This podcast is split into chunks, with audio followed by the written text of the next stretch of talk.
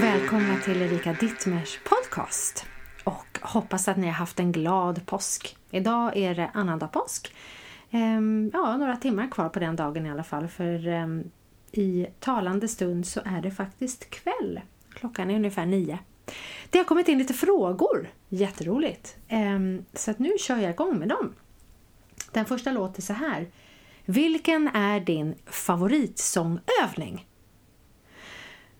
Åh, känner jag då. Nej, det var inte min favoritsångövning. Men himmel och pannkaka, vad svårt det är att definiera vad det är som är min favoritsångövning. Jag gillar ju så himla mycket olika typer av sångövningar.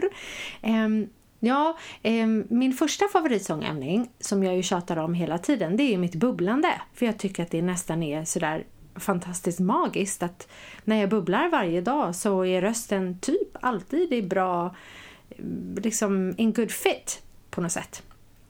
Men det kan man kanske inte kalla för en rent och ren och skär sångövning per se. Så då, då tänker jag att min favoritsångövning det är en sångövning som jag i stort sett kan göra när som helst, hur som helst och var som helst. För ibland måste man ju värma upp på ställen som inte är det mest optimala. Och då är det faktiskt att antingen burra så här, eller köra bara. För det kan jag typ göra var som helst. Ja, och så kommer jag på en till. Den här tycker jag också om att göra.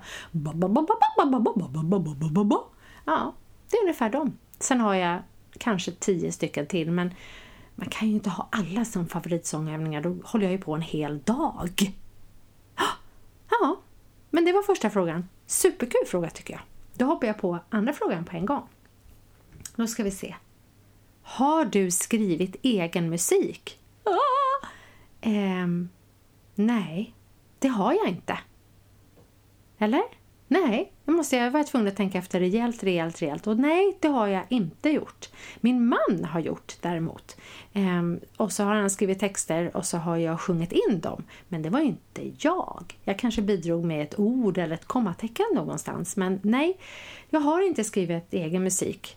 Ehm, to be continued. Watch this space kanske man ska säga då. Vem vet? Det kanske helt plötsligt kommer egen musik in i min kropp bara schvopp som måste komma ut. Så ehm, ja, man vet aldrig. Här ska vi se. Har du någonsin drabbats av scenskräck? Ja, är svaret. Och jag säger det med en stor, eh, stor suck. För det har jag verkligen.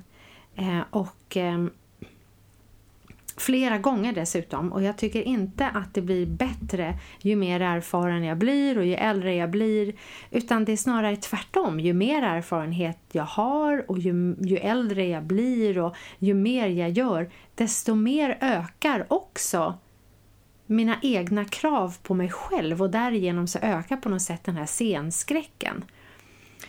Jag läste någonstans eh, och hört på någon intervju att Bruce Springsteen när han innan han ska gå på och göra en konsert så är han så exalterad bakom backstage att han he can't wait att gå ut och möta publiken och ha värsta festen och rocka och göra musik och så vidare. Och jag tror egentligen att essensen av de här nerverna som man känner är de samma. Men han har lyckats förknippa scenframträdandet med liksom positiva ord och positiva känslor och positiva uttryck. Att åh, kan vi inte komma igång nu? Låt oss ha fest liksom tillsammans. Att, att den här publiken är hans kompisar som han inte känner än och sådär. Och jag tror att för mig vad det gäller med scenskräck så har jag ibland haft den där känslan av att vad roligt det här ska bli och då är det ett pirr. Um, en, liksom, en expectation in the air att, att åh, det här kommer att bli pff, häftigt. Men ibland har jag inte känt mig för, kanske tillräckligt förberedd. Eller jag har någon sång sådär som, som, känns lite kanske för svår röstmässigt men jag vill ändå ha med den för att jag vet att jag klarar den egentligen och så vidare. och så vidare. Då är det som att den där nervositeten kan komma smygande tillbaka gång på gång. Den, den kommer liksom tillbaka under konsertens gång på något vis. Eh, och med det sagt så vill jag faktiskt också säga att det, det finns en skillnad, åtminstone för mig. Jag vet inte, jag har inte pratat så himla mycket om just det här med, med kollegor så, men det har ju väldigt, väldigt mycket att göra med vad det är för typ av framträdande jag ska göra. Är det ett framträdande som är eh, någons dop eller en begravning eller ett bröllop, då finns det en slags eh, nerver innan, en slags fjärilar som, som rusar runt i kroppen som, som har mer att göra med att du vill liksom att det här ska bli ett vackert minne. En begravning behöver ju också kunna vara en vacker tillställning även fast det är en sorglig tillställning och ett bröllop lika så.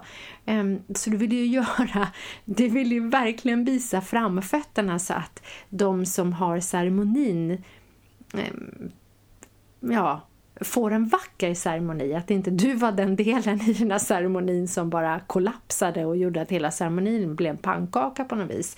Det vill man ju inte. Så då är det som sagt då är det en slags nerver eh, som kickar igång och sen när jag har varit med och spelat rena och skära uppsättningar liksom från A till Ö där, där jag kan gå in i en roll mer och det finns ett flöde i en historia som berättas då har jag väldigt sällan varit nervös.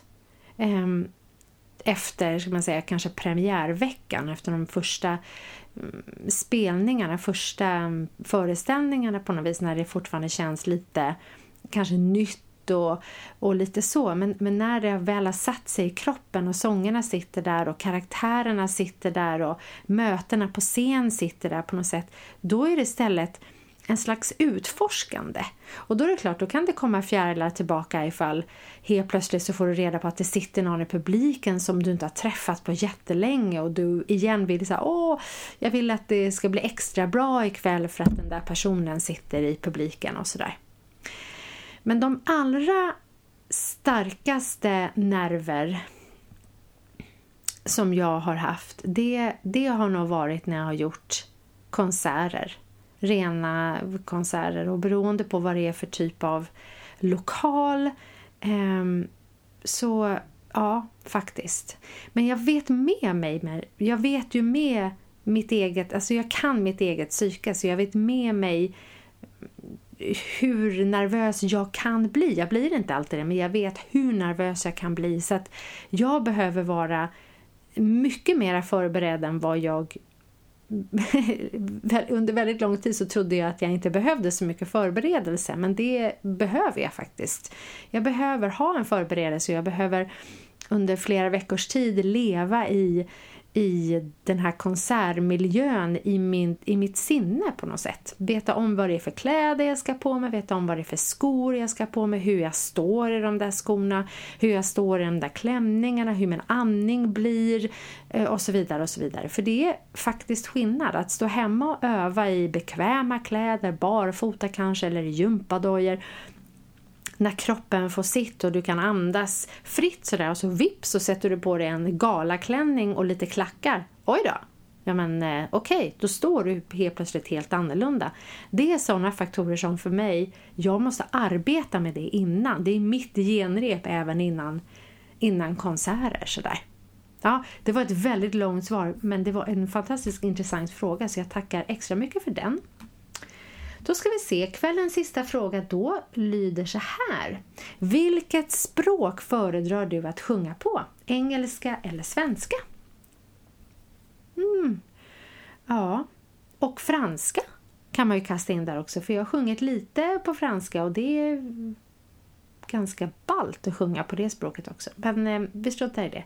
Engelska eller svenska? Både och Fasiken alltså, jag kan inte välja sida där. Himmel och pannkaka.